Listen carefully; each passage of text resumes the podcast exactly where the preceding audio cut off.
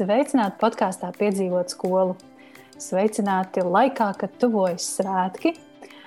Tuvojas Ziemassvētki, un es šai sarunai esmu sagatavojusi īstu Ziemassvētku brīnumu.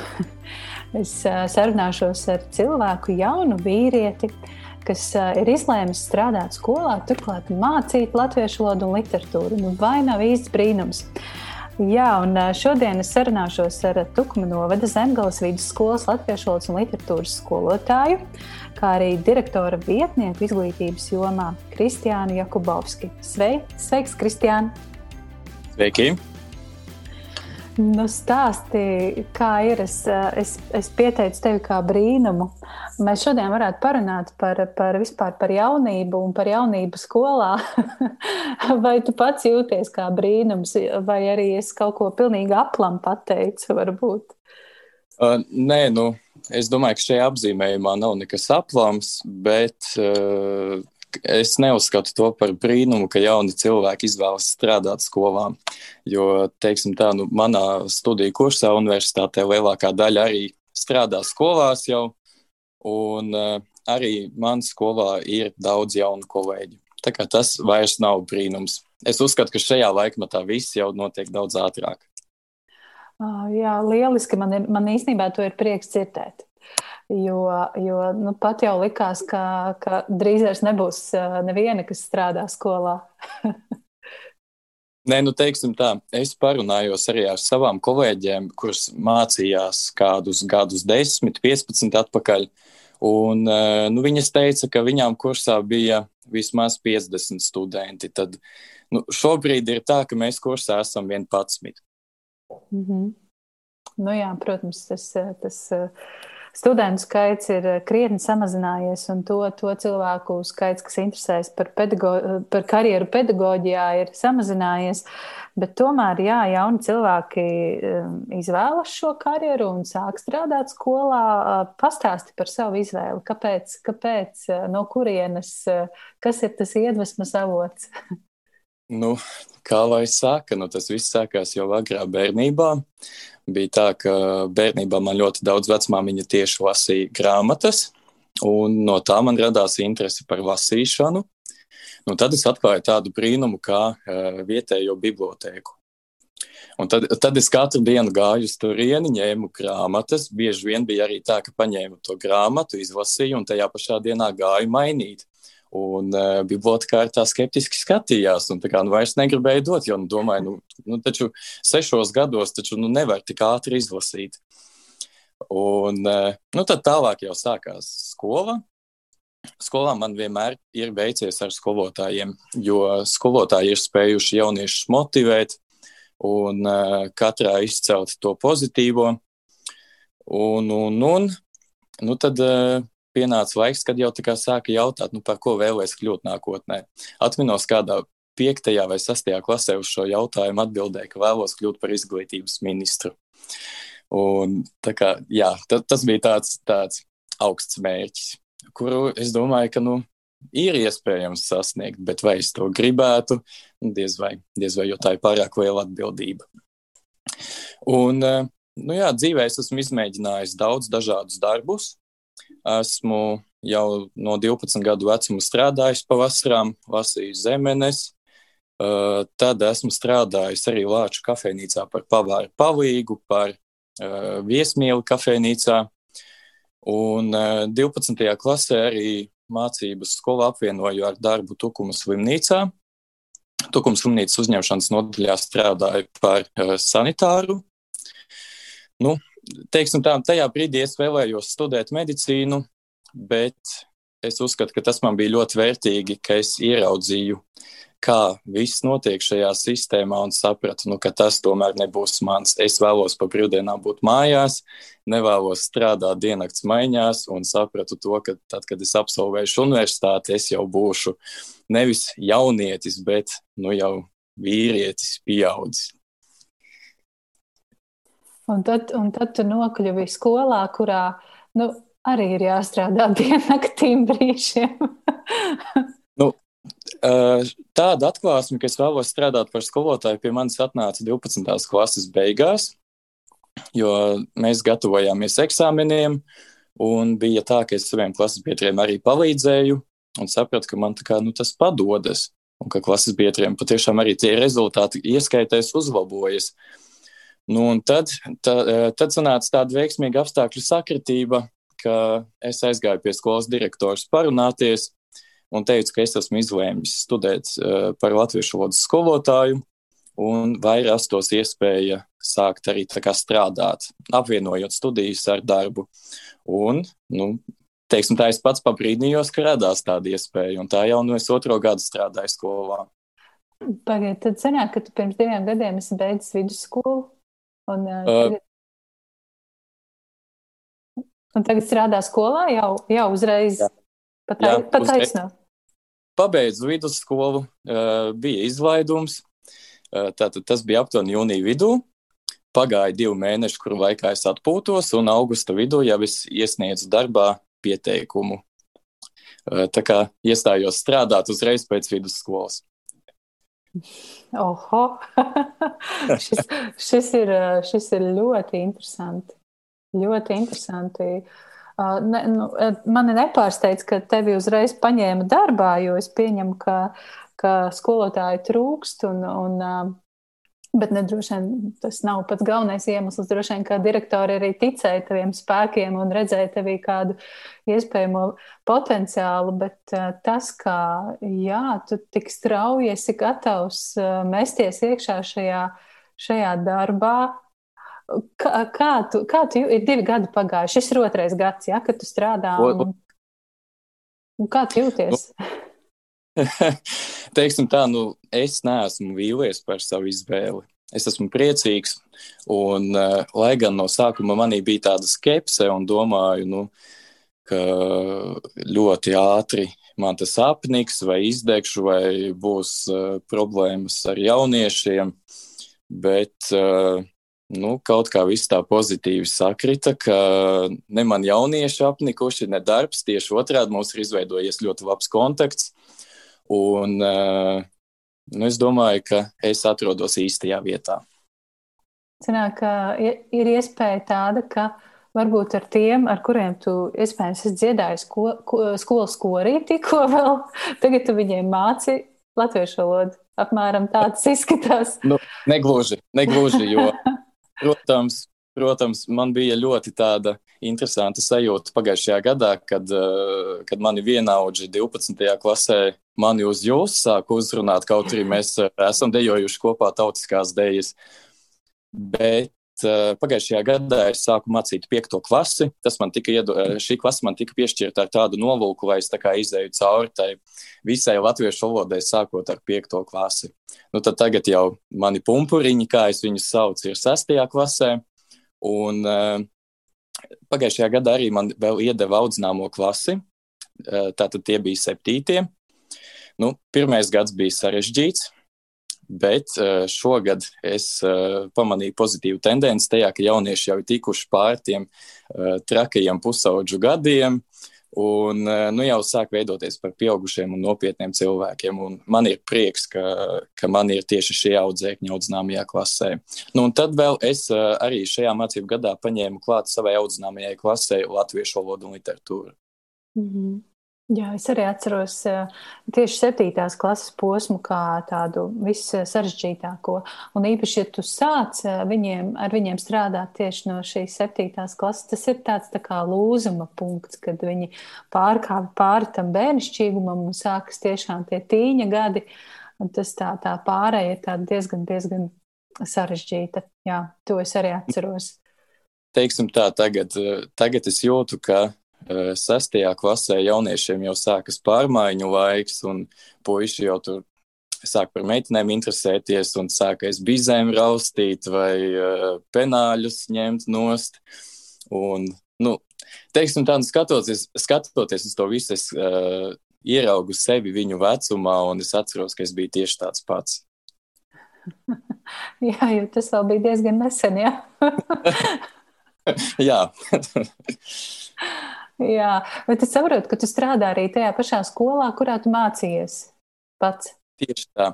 Kā, kā es ironizēju, tad šogad es mācos jau 14. klasē.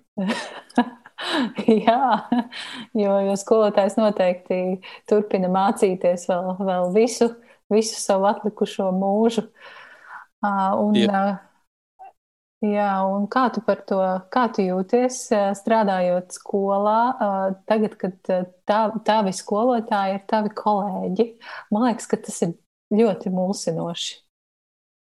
Nu, kā, kā vai to saka? nu, man bija ļoti, ļoti amizanti, ka man tā pārēja no skolotāja uz kolēģi notika ļoti ātri. Un man bija viegli pielāgoties, un teiksim, tā, nu es jau pēc pirmā mēneša strādājot skolā, es varēju jau mierīgi savus skolotājus uz to uzrunāt. Vienīgi, vienīgi joprojām es nespēju tomēr ar savu bijušo klases audzinātāju tā. Jo nu, tā, tā cieņa tomēr man ir eh, jau kalvos iēdusies, ka nu, jūs un jūs tā arī paliek. Mm. Jā, nu, zin kā. Uh... Mana māma ir skolotāja, un, un nu, es mācījos, un viņa joprojām strādā tādā ļoti mazā skoliņā. Ne ļoti mazā, bet mazā mazpilsētas skolā. Un, un tad, nu jā, manas mammas labākās draudzenes ir, protams, viņas kolēģis, un, un viņas bieži ciemojas, un, un mēs ciemojamies. Nu, viss, ir tur, viss ir tādā jūklī, un tas vienmēr bija ļoti mulsinoši skolotāji, kurus uzrunāju uz jūs, un tad viņi atnāk ciemos un saka, čāvāja. Es tā, labdien! Un es joprojām nu, nespēju pārkāpt pāri kaut kādam tādam familiaritātes slieksnim un uzrunāt viņas tu un teikt čau. Es joprojām jūtos kā skolniece īstenībā, sarunājoties ar, ar savām skolotājām, kas ir manas māmas labākās draudzenes. Un, un visi svētki ir tiek, tika svinēti kopā un, un uh, ekskursijās braukts kopā un viss kaut kas piedzīvots, bet tik un tā tās bija, bija manas skolotājas. Un, un es tā iedomājos, ja man tagad vajadzētu ar viņām nu, strādāt, kā tas būtu. Nu, ja viņas būtu manas kolēģis, tas ļoti interesanti, bet uh, tev laikam tas ir izdevies. Kādu pats jūti, kā pret tevi attiecas kolē, kolēģi? Nu, es, es domāju, ka pirmajā gadā varbūt vēl bija tāds tā kā, neliels smīniņš no dažu kolēģu puses, no ko tas zaļknābis atnācis un ko viņš grib panākt. Bet uh, Nē, nu, man ir ļoti labi kolēģi, man ar to ir paveicies, jo jebkurā jautājumā es varu vērsties, man palīdzēs un mani atbalstīs. Nu, tad es uzskatu, ka šajā gadā jau ir tā, ka gan es jūtos viņiem vienlīdzīgs, gan, gan uh, sajūtu arī to, ka viņi mani uztver kā vienlīdzīgu. Mm, tas ir uh, ļoti jauki. Uh, kā bija tieši ar uh, šo darba uzsākšanu? Tu, um, septembrī sāki, un kā sāki, tā sāki, vai tev bija kāds uh, palīgs, uh, kāds, kas tevi vēroja, atbalstīja, palīdzēja, ieteica, uh, pastāstīja par to, nu, uzsākšanas procesu, jo tas ir tas, ko es, nu, nu, es pati to piedzīvoju, ka es sāku strādāt skolā un uh, nu, es nokļuvu vietā, par kuru man bija it kā priekšstats, bet es nezināju realitāti. Un tā realitāte gluži gandrīz vai iesita pa galvu, un man īsti nebija neviena tāda atbalsta cilvēka, kas man stāvētu blakus, turētu roku, vai pabīdītu, vai pastumtu, vai pateiktu nē, tā labāk nē, jo nu, tā vienkārši nav pieņemts vismaz lielākoties eh, skolās. Eh, bet, manuprāt, tā vajadzētu, nu, vajadzētu mainīt šo sistēmu ka jābūt atbalsta komandai jaunajam pedagogam. Kā bija tev? Uh, nu man bija laikam, laikam diezgan vienkārši, uh, jo mums skolā vairāk vai mazāk visi ir kā viena liela ģimene, un, ja ir kāda problēma, tad droši var vērsties un jautāt. Bet pašā sākumā es biju izplānojis savas mācību stundas, Eh, biju uzrakstījis konspektiņus tādus, un uh, gāju pie kolēģiem un atrādīju un jautāju, vai būs labi, vai tur nevajag kaut ko pielabot. Un uh, man kolēģi palīdzēja, ieteica, kā labāk. Arī skolas metodiķi nāca, skatījās, vēroja manas stundas, gatavoja ieteikumus. Tā kā es saņēmu atbalstu un, uh, un, un, un uh, nu, nejūtos vīlies, ka es arī devos vaicāt palīdzību. Mm. Tas, tas bija ļoti vērtīgi. Un arī tas, ka, teiksim, tā, ne, ja nebija kāds kolēģis pieejams, es arī bez problēmām varēju aiziet pie skolas direktors un tur pavaicāt, kā risināt, teiksim, tādu problēmu situāciju vai varbūt kādu mācību pieeju labāk izmantot tieši ar šiem bērniem. Arī, arī liela palīdzība man bija tieši no uh, tās manas mācāmās klases iepriekšējās audzinātājas, kura pirmās četras klasītes bija viņas mācījusi, un tad es par katru bērnu pajautāju konkrēti, kā viņam labāk, kā viņam labāk, teiksim, būtu saprast, vai, teiksim, viņš labāk uzturē redzi, vai ja dzirdi, tausti. Un, nu, teiksim tā, nu, es saņēmu palīdzību, un es uzskatu, ka tas arī bija ļoti vērtīgi. Tas, ko es dzirdu tevis stāstītājā, ka tu nu, Eh, skolotājiem, jauniem skolotājiem pašam vajadzētu būt drosmīgam, iet, jautāt, eh, nebaidīties. Jā, jūti tu kaut kādas bailes no šiem kolēģiem? Eh, nu, Nē.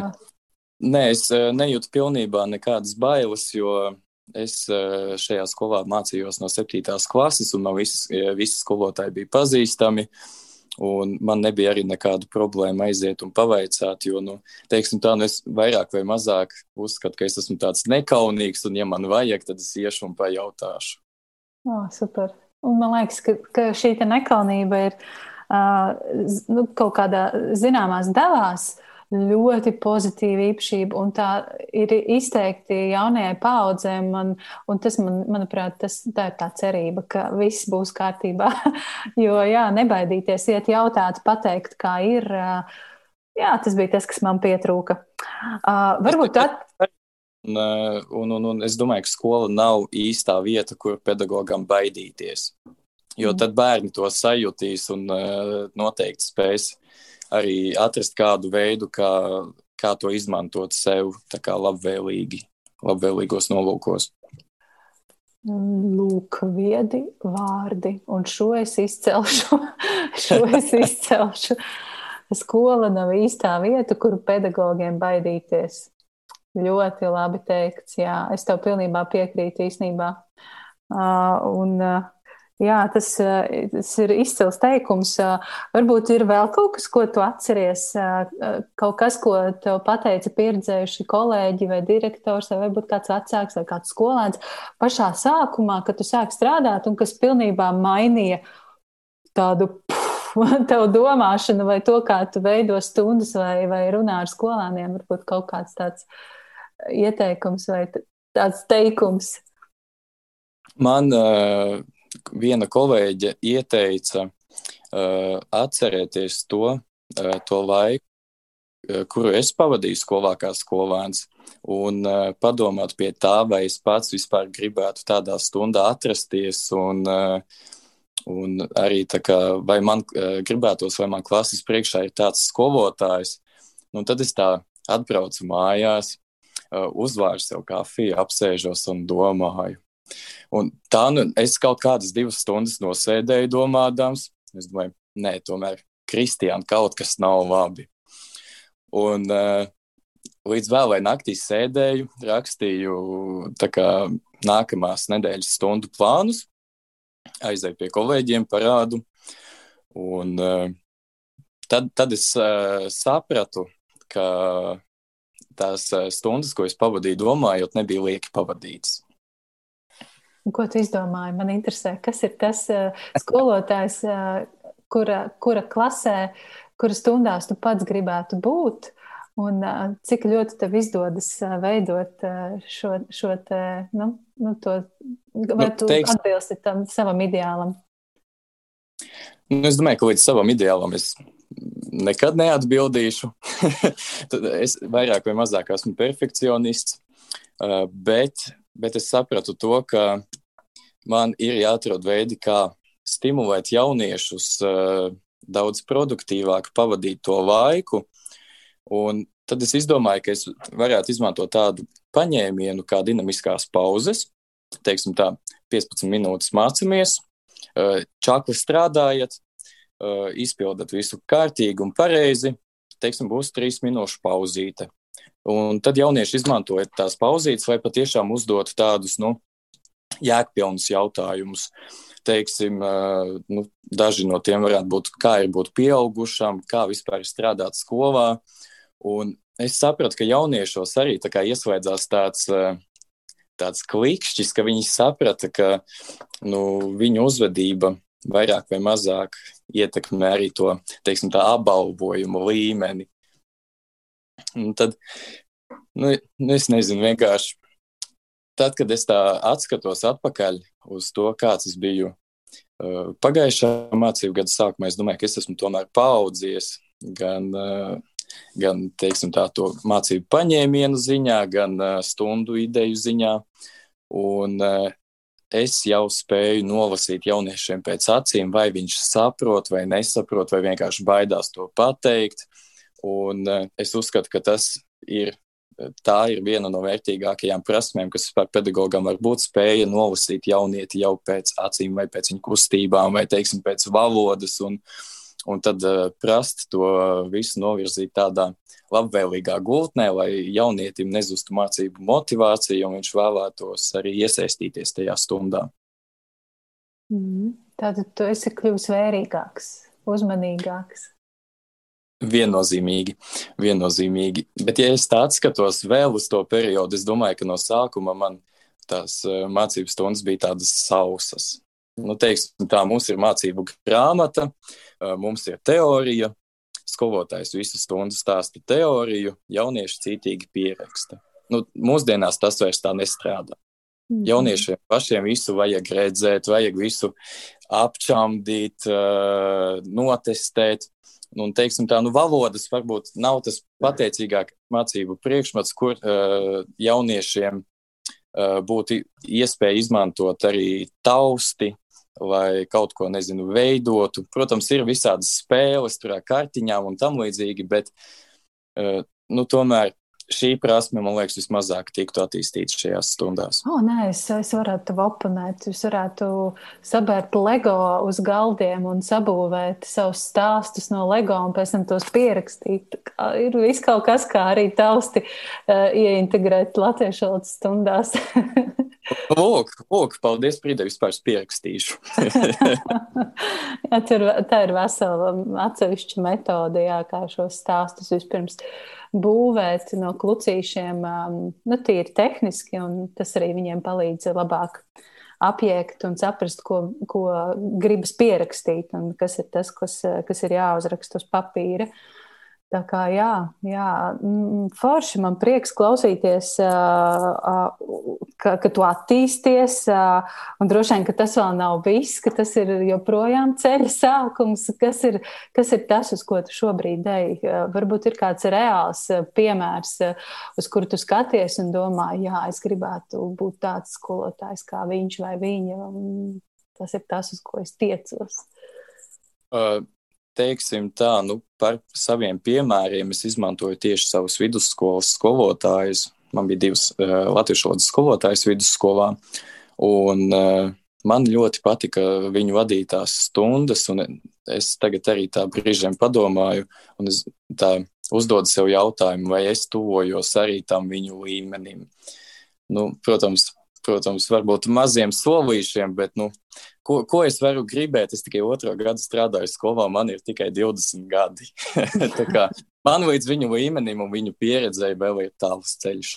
Kas ir tas viņu līmenis un, un pieredze? Kas ir tas, uz nu, ko tiecies zināšanas vai, vai prasme veidot stundu vai komunicēt? Uh, pilnīgi visas tevis nosauktās prasmes, es uzskatu, ka tās ir ļoti vērtīgas veiksmīgu mācību stundu radīšanā. Mm -hmm. nu, jā. Un uh, tagad tu māci sesto klasi un uh, senāk astotā Asto. iet? Jā. Nu, un kā iet? Tu, šis ir otrais gads. Tātad uh, pagājušā gada beigas visas aizgāja zūmā droši vien, jā no otrā puse. Un, un šo, šis gads gandrīz, à, nu, es nezinu, varbūt daļēji, kā jums tur notiek tās stundas, kā šobrīd tiek organizētas, bet nu, situācija ir visai neierasta. Un kā tev liekas, kā tu pats ar to tiec galā? Vai, vai šajā gadījumā jaunība ir priekšrocība? Droši vien mēs jau varam nojaust atbildi. teiksim tā, nu, darbā ar tehnoloģijām, es domāju, ka tā jaunība ir priekšrocība, jo tiklīdz kāds jautājums, tad arī kolēģi nāk pie manis un vaicā, kā teiksim, kā zūmā tur pievienot jauniešus vai uzaicināt. Un, protams, es, es neatsaku kolēģiem palīdzību, jo es zinu, ka viņi man pirms tam dzīvē ir palīdzējuši un mācījuši man, un kādēļ, kādēļ es atteiktu palīdzību kolēģim.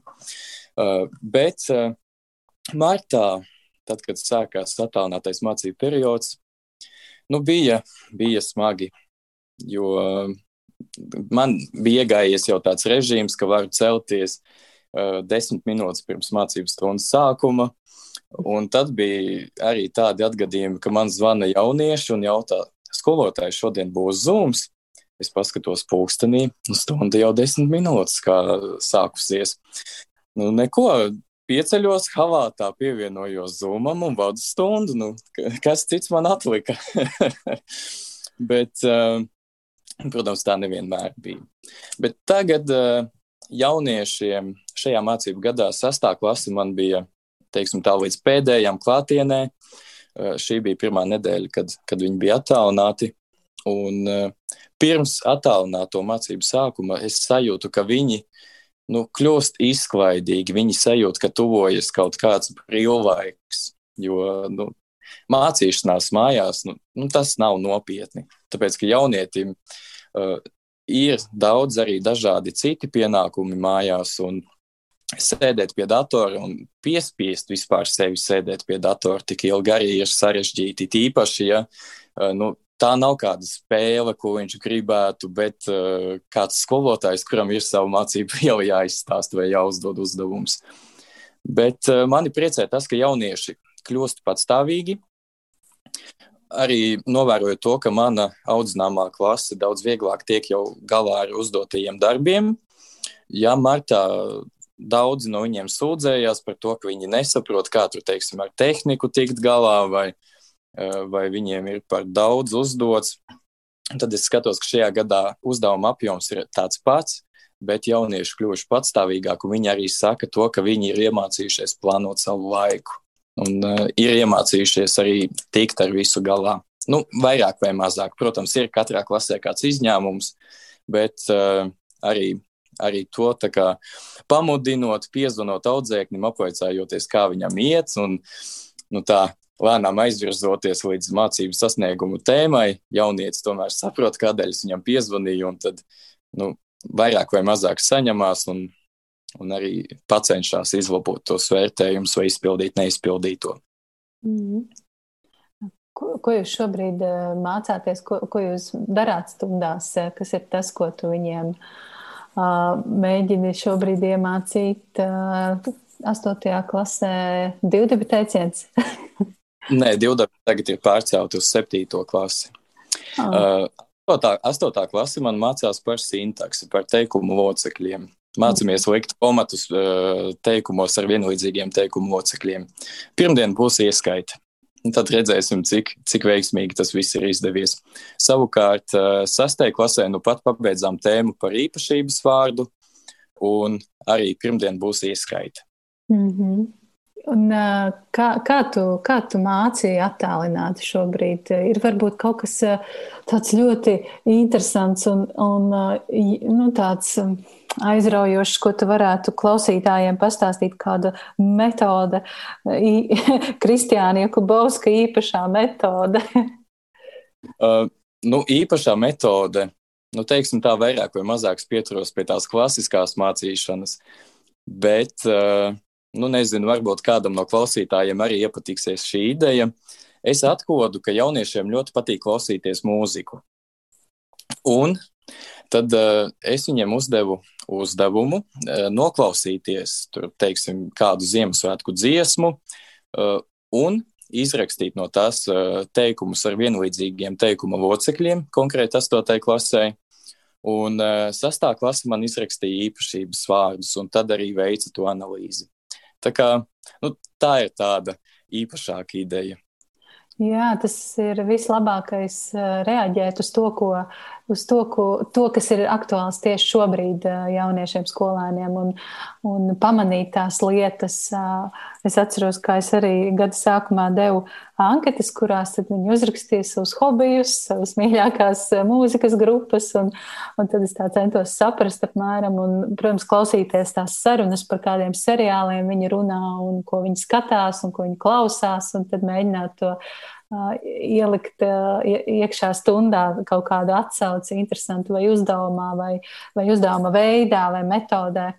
Jā, es, es nezinu, es šo jau esmu stāstījusi tiem, kas klausās regulāri, bet man ļoti patika. Vienu brīdi skatījos, ir tāds pavāru, pavāru sacensību šaus. Un, un tad, un tad tie, tie, tie pārī šie pavāri, viņi tā kā mainījās. Viens sagatavo, gatavo 5 minūtes, tad uh, viņi samainās un gatavo otrs. Un tad es biju sagatavojis kaut kādu aktivitāti tieši vai no teikumu mēs analizējām pāros skolāni tādā pašā, pašā veidā. Tur. Es jau vairs precīzi neatceros, bet tā ideja bija apmēram tāda. Tas bija tā tāds sacensību elements, tāda dinamika, adrenalīns, un, un vajadzēja domāt ātri un, un sastrādāties arī uh, pārī. Nu, jā, uh, tu, tu māci arī uh, literatūriem. Jā. Un kā ar šo veicas? Vai lasāt um, zaļo grāmatu vai balto grāmatu?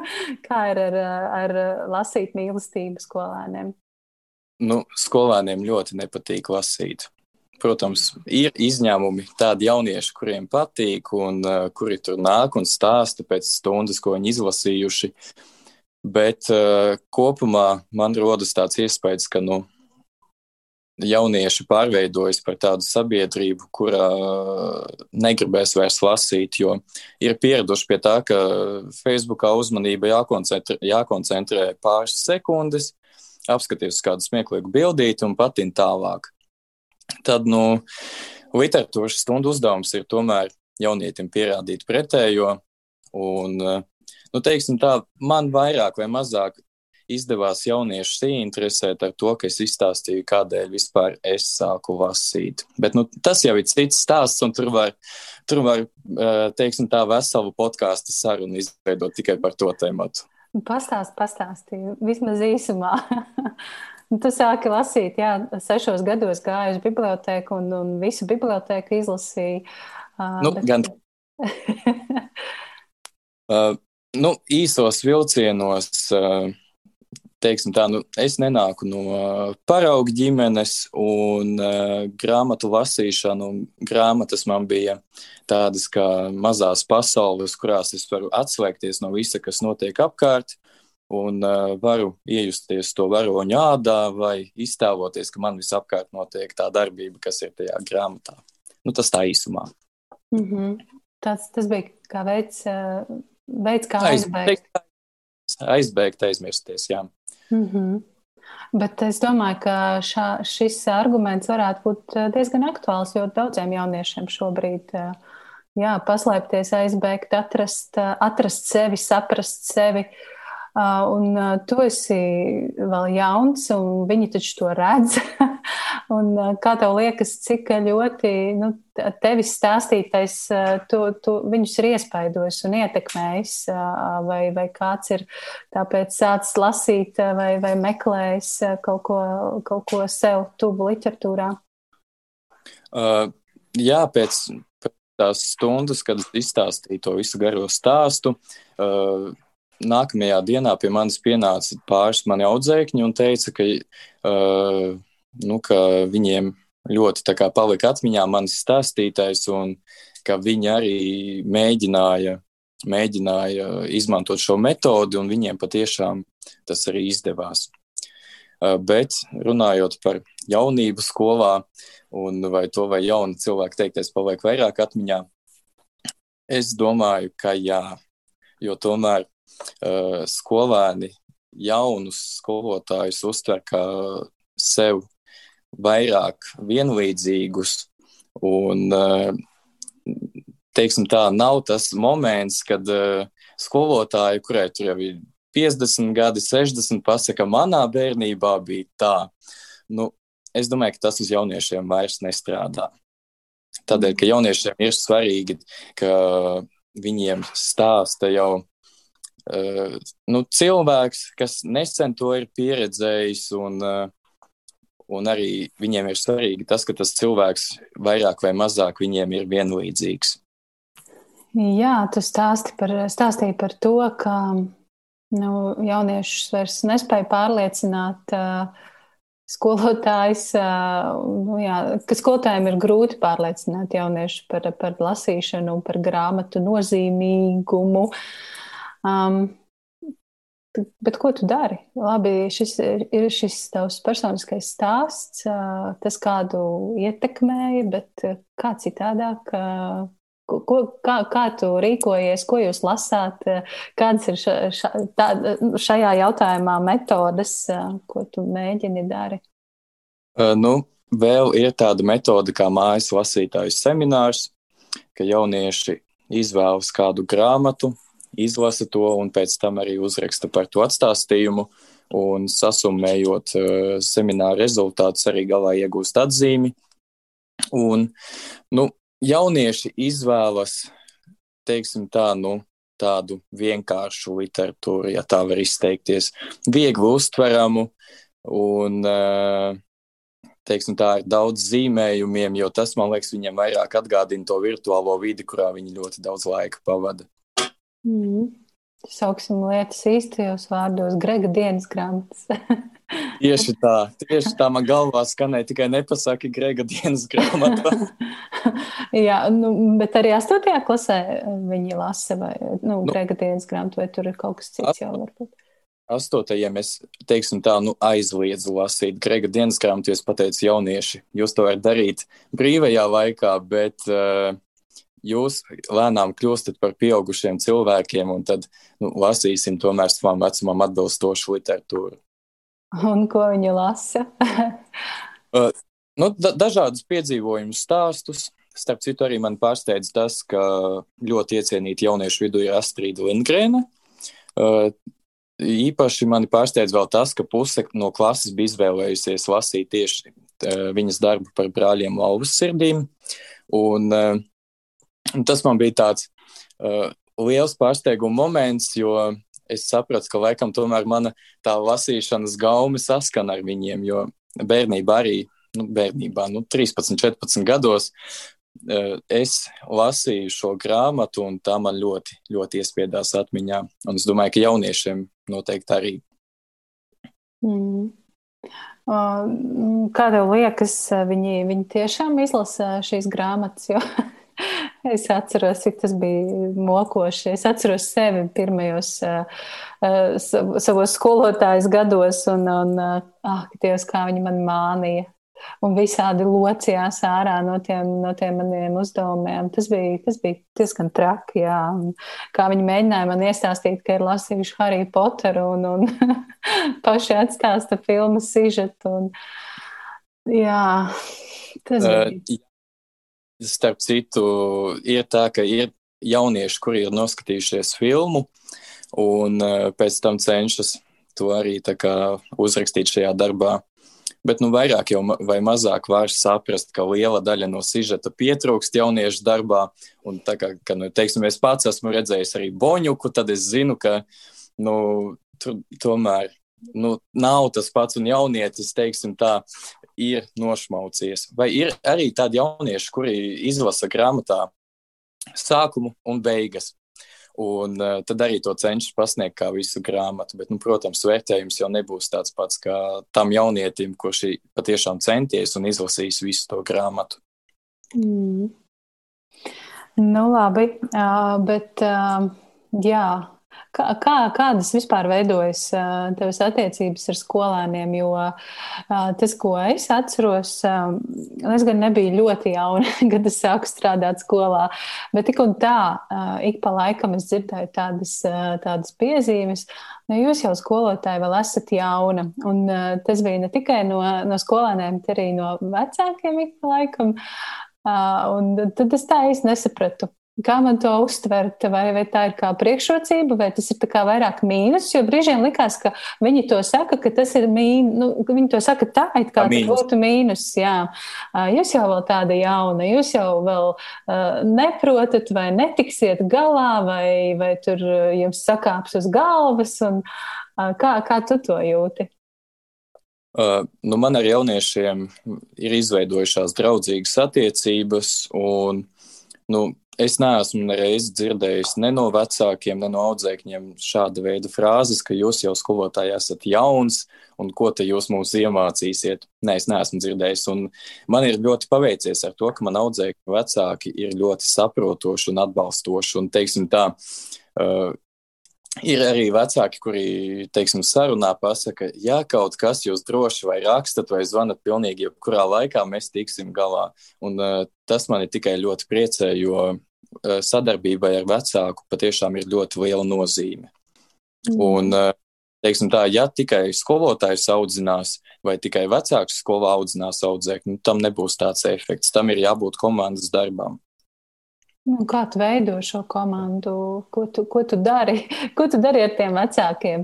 Man arī bija ļoti forši klas, audzināmās klases eh, skolēni vecāki, un es nevaru sūdzēties. Bet tomēr jā, šai komandai ir jābūt, eh, un to mēs saprotam ar vien vairāk un vairāk, un eh, biežāk un biežāk, ka jā, ja, ja ne, nenotiek sadarbība ar, ar ģimeni, tad nu, vienam, vienam to vazumu ir grūti vilkt. Kā, kā tu veido komandu, kā tu komunicē ar, ar vecākiem? Nu, teiksim tā, nu visvienkāršākais ir nosūtīt e-klasē kādu informatīvu vēstuli vai paziņojumu, uh, kurā nevienmēr jābūt negatīvam saturam, tad vecāks uzreiz uz to reaģē. Vai arī sazvanos ar kādu no vecākiem, tur apvaicājos, kā viņiem veicas un uh, nu, kas jauns. Un, nu, teiksim, tā daļa no klases audzēkņu vecākiem arī man ir kļuvuši par labiem draugiem. Piemēram, ar vienu audzēkņa abiem vecākiem mēs dejojam vienā tautiskajā, tautisko deju kolektīvā. Tā kā nu, mums ļoti cieša komunikācija sanāca, līdz, līdz netika ierobežojumi pastiprināti un dejas netika pārtrauktas. Bet nu, vis, visbiežāk sazināmies vai nu WhatsApp, vai nu sazvanoties. Mm. Un kā tev liekas, tāda, nu, tāda tuva draudzība ar audzēkņu vecākiem, tas ir tāds kā ieguvums, vai tas, tas var arī, man liekas, traucēt brīžiem, vai, vai tu to tā nejūti? Nu, es to tik izteikti nejūtu, bet, bet es uzskatu, ka skolā, ka skola tomēr ir tāda robežu teritorija. Tur ir jāprot ievērot robežu gan, gan starp sevi un audzēkņiem, gan, gan starp sevi un vecākiem. Un, nu, neļaut tai draudzībai vai pozitīvām attiecībām, vai tieši pretēji kaut, kāda, kaut kam negatīvam arī ietekmēt uh, to, uh, kā es stundās izturos pret audzēkni, vai, teiksim, nedrīkst, nedrīkst ietekmēt arī to vērtējumu, ko audzēknis iegūs. Teiksim, tā, tā, tā saziņa, kas notiek starp mani un vecāku, nu, es eh, audzēknim nekad nestāstu, par ko mēs esam runājuši. Un, eh, teiksim tā, nu, nekur tālāk arī to informāciju nepalaižu, bet uh, uzklausu un tad jau atbilstoši arī rīkojos. Mm. Tu, tu stāsti, un uh, es tevī klausos. Man liekas, tev viss ir uh, tik gludi un tik, uh, tik mierīgi un tik labi. Uh, Kā ir ar grūtībām? Kas ir tava lielākā grūtība? Jo mana lielākā grūtība bija sākot uh, strādāt, bija tieši mm, disciplīna, uh, klases disciplīna, disciplīna stundās. Uh, un, nu, tā, tā bija tāda, jā, pa, nu, tā grūtība vilkās arī diezgan ilgi, līdz pat beigām. Karjer, manas karjeras īsās. Nē, nu, protams, pedagoga darbā uh, ir daudz grūtību, un uh, nu, es uzskatu, ka viena no aktuālākajām ir, protams, audzēkņu uzvedības stundās. Un, nu, nav jau tā, ka, ka man būtu tās paraugs stundas vai audzēkņi, man būtu kā pūkaini jēriņi, kuri neko citu nedarītu, kā citīgi mācītos un uzdot jautājumus. Protams, ka tā nav. Jo ne, pagājušajā gadā, piektā klase, man teiksim, tā uzvedībā nu, bija vienkārši priekšzīmīga. Bet uh, tagad es jūtu, ka jauniešiem sākas uh, tīņu vecums, un uh, nu, viņiem vienkārši gribas izcelties, viņiem gribas pievērst sev uzmanību, vai nu, tur, tur uzdodot kādus uh, ar stundu nesaistītus jautājumus, vai, teiksim, kāds uh, aiziet, teiksim, tur nav grāmata. Uh, bijusi līdz stundai aiziet, piesēžas pie labākā drauga, un tad viņi tur visu stundu sarunājas. Nu, vismaz cenšas sarunāties. Nu, tā, ir, tā ir viena no aktuālākajām problēmām tieši klātienes stundās. Savukārt, attālinātajās mācību stundās ir uh, sarežģīti uh, teiksim, tā, izspiest no jauniešiem tās atbildes. Viņi zina uh, pareizo atbildi, bet viņi vienkārši neteiks. Tad ir jāmēģina visādi piespiest viņus uh, arī pateikt to atbildi. Jo ir jaunieši, kuri man ir teikuši, ka viņiem tur nestrādā mikrofons, Bet uh, tad es uzzinu no cita kolēģa, ka, teiksim, viņa stundās runā tas audzēknis. Vai atkal otrādi, ka kādam kolēģim nerunā tas audzēknis, bet pie manis atkal uh, izceļas ar to, ka nu, sniedz ļoti labas atbildes. Mm. Ļoti interesanti. Kā, kā tev liekas, kāpēc tas tā ir? Un, vai tas ir nu, tas ekrāns, kas veido to, to sienu, to robežu, un stundās būtu citādāk, viņi runātu brīvāk, drošāk? Viennozīmīgi audzēknim ir svarīga klātbūtnes sajūta. Un ekrāns tā ir tikai viena liela barjera pa vidu starp mani un audzēkni. Un, audzēknis nu, nejūtas kā klasē. Viņš jūtas uh, mājās ļoti komfortabli. Viņš tur, uh, teiksim, atpūšoties, piedalās tajā stundā, klausās, ko skolotājs stāsta, un pēkšņi viņam pajautā uh, kādu jautājumu. Un es domāju, ka jaunietim arī grūti pārslēgties no tā, ka es tikko atpūtos, un pēkšņi man jāsāk koncentrēties. Jo skolā es domāju, ka jaunieši daudz labāk apzinās to, ka viņi tur atrodas, lai mācītos, iegūtu zināšanas. Bet mājās atkal ir tāds moments, ka nu, es esmu mājās un teiksim, tā, nu, tas ir mans brīvais laiks vai brīvlaiks. Mm. Nu, jā. Es, es gan pati tagad uh, pieredzu, mācos attālināt un studējot, studējot savā, savā universitātē.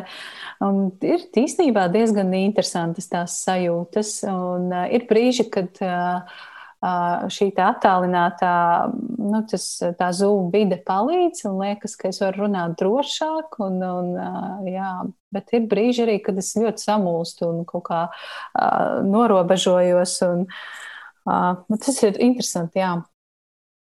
Vai tas, tas ir atkarīgs? No, no katra paša atkarīgs, jo nu, neviens nav vienāds. Un uh, ir jaunieši, kam vieglāk ir uh, komunicēt ar skolotāju klātienes stundās, un ir tādi jaunieši, kas man stundās nu, bijuši tādi mazaktīvi un uh, nu, nav, cē, uh, nav centušies pievērst sev uzmanību, lai viņiem uzdod kādu jautājumu. Tad uh, savukārt uh, tiešsaistes stundās viņi tieši otrādi aktīvi iesaistās un jautā. Mm -hmm. Jā. Kā, kādus tu vispār redzēji mūsdienu skolēnus? Nu, tu gandrīz esi, nu, ne gandrīz, neesi jau vairs vienaudzis, bet ļoti tuvu viņu vecumam. Un kā, un kā mainā, mainījušās šīs sajūtas, Jo tas ir ļoti interesanti. Tad, kad es biju skolotāja, man kaitināja, ka nu, skolēni baksta telefonus. Man kaitināja, ka viņi neklausās, ko es stāstu.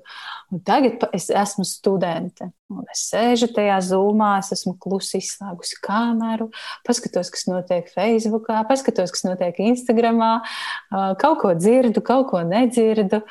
Un tās robežas ir tik plūstošas. Bet, jā, kā, tu, kā tu to jūti un kādus, kādus redzi mūsdienu skolēnus? Nu, es uzskatu, ka mūsdienu skolēnam uh, ir sarežģītāk koncentrēties tieši mācību stundās, jo viņi ir pieraduši to, ka tehnoloģiju vidē, kur viņi pavada ļoti daudz sava laika, nu, nav jākoncentrē uzmanība. Un tad pēkšņi viņš uh, pasēdējis Facebookā, uh, patinis to savu venti, atnāk uz stundu, un tagad skolotājs cerēs, ka jaunietis spēs koncentrēties uh, mācību stundai. Nu, tā nebūs. Protams, ir jaunieši, kuri to var bez problēmām izdarīt, bet skolotājiem ir jākļūst daudz radošākiem, lai spētu uh, noturēt jauniešu uzmanību, viņus piesaistīt stundai un darbam. Un, uh, es domāju, ka ir svarīgi tas, ka stundā ļoti straujā tempā mainās tie uzdevumi par to vienu pašu tēmu. Tad, teiksim, tās stundas pārvēršas par tādu kā Facebook vidi, kur skolēnam uz īsu brīdi jāsakoncentrējas uz vienu uzdevumu, un pēkšņi radikāli mainās uzdevuma forma vai veikšanas veids, un viņš nonāk pilnīgi, teiksim tā, runājot digitālā valodā, citā ierakstā. Un tad tā ir tāda sava veida māksla, uh, laipot starp tām metodēm un likt jaunietim tā kā, nonākt tādā vidē, kur viņš jūtas komfortabli un uh, kur viņš ir pieredzējis atrasties. Mm -hmm. Jā, jā, ļoti interesanti doma jā, par, šo, par šiem ierakstiem un, un digitālo vidi. Um, jā, interesanti. Es gribētu pavērot, eh, kā, kā tas realitātē notiek. Eh, un eh, skolotāji, kādus tu redzēji skolotājus mūsdienās? Oi. Manuprāt, viens no šīs sarunas sarežģītākajiem jautājumiem. es, es nedaudz apmulsu. Nē, nu, skolotāji, skolotāji cenšas tikt laikmetam līdzi un cenšas arī pierast pie jauniešiem un uh, pārveidot tās savas stundas tā, lai jaunieši spētu uh, veiksmīgi tajās piedalīties, koncentrēties un kaut ko arī iemācītos. Jauniešiem šajā laikā ir ļoti svarīgi pierādīt to, ka viņiem dzīvē uh, patiešām vajadzēs to, ko viņi tagad apgūs. Un, uh, tad ir tā, ka teiksim, katrs uh, mācību tēmas sākumā es izskaidroju, kur dzīvē jauniešiem šis noderēs, un tikai pēc tam jau sāku mācīt. Un uh, arī šādu pašu piemēru izmanto arī vairāk mani kolēģi. Un uh, tad, nu, patiešām esam novērojuši, ka jaunieši daudz aktīvāki ir kļuvuši tieši, kad viņiem ir izskaidrots, kāpēc viņiem vispār tas ir jāmācās. -hmm. Vai tas jautājums, kāpēc man to vajag, nenāk tādu negaidīti kaut kad Jā. ļoti svarīgu uzdevumu vidū? Jā, kā tas bieži, bieži notiek. Jā, nu skaidrs. Es aizmirsu tev pajautāt tematā par lasīšanu. Ko tu pats lasi? Šobrīd varbūt ir kaut kas, ko tu lasi un ko tu vari ieteikt jauniešiem, bērniem, skolotājiem, vienkārši lasītājiem. Nu, teiksim tā, šobrīd es pats arī studēju, un man ir ļoti daudz obligātās literatūras, kas man ir jāapgūst. Nu, ir ir sarežģīti, jo ļoti daudz laika patiešām tiek pavadīts grāmatās, kaut arī man būtu citi darbi, kas būtu darāmi. Uh, teiksim, vai es tad labāk lasu, vai es uh, laboju skolēnu darbus. Nu, es domāju, ka visticamāk es tad uh, labāk labotu skolēnu darbus. Nu, no pēdējiem darbiem, ko es esmu lasījis, tās ir Imants Ziedoņa epifānijas, tad Homo novus, un tad arī par šiem darbiem man bija jāgatavo literatūras vēstures kursā referāti, un tos arī veiksmīgi aizstāvēju.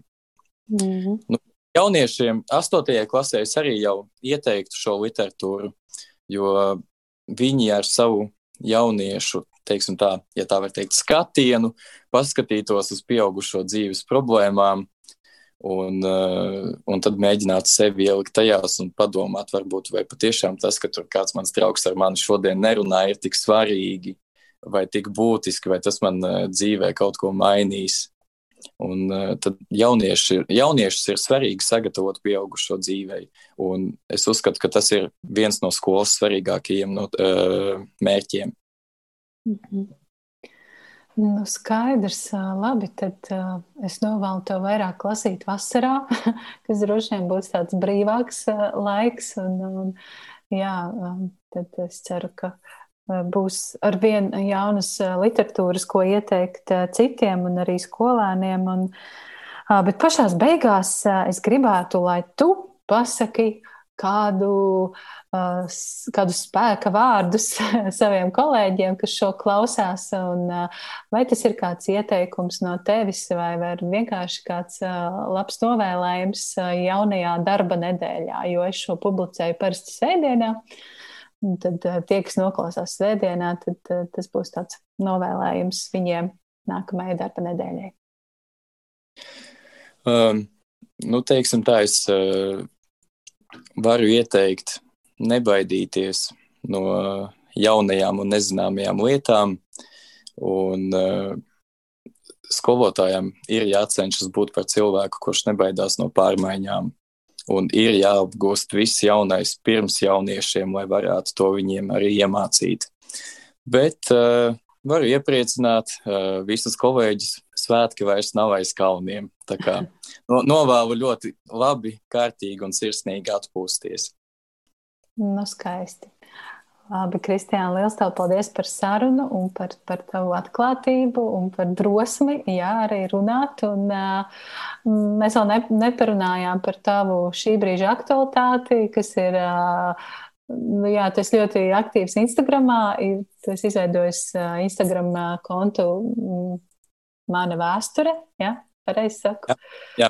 jā, un izrādās, ka tava aizraušanās ir vēsture. Uh, jā, tā kā visiem, kam interesē vēsture, noteikti sekojiet uh, Instagramā atmana vēsture. Tur ir ļoti daudz izzinošā, izzinoša materiāla, izzinošas informācijas, uh, daudz jautājumu. Katru dienu kāds jautājums, un pēc tam arī interesanta informācija par to visu. Tā kā jā, forši, ka tu to dari un uh, lai, lai izdodas uz priekšu arī to attīstīt. Labi, paldies tev, Kristiāna, un paldies arī klausītājiem. Uz tikšanos citās sarunās. Tas šodien arī viss. Paldies, ka noklausījies! Ja tev patika un likās noderīga šī saruna, noteikti uzraksti savas pārdomas Facebook vai Instagram, vai varbūt uzraksti man e-pastu uz piedzīvot atgmail.com. Vēlēs atbalstīt podkāstu tapšanu? Dodies uz www.patreon.com šķērsvītra piedzīvot un kļūsti par podkāsta mīļāko atbalstītāju, jeb patronu. Paldies un uz tikšanos nākamreiz!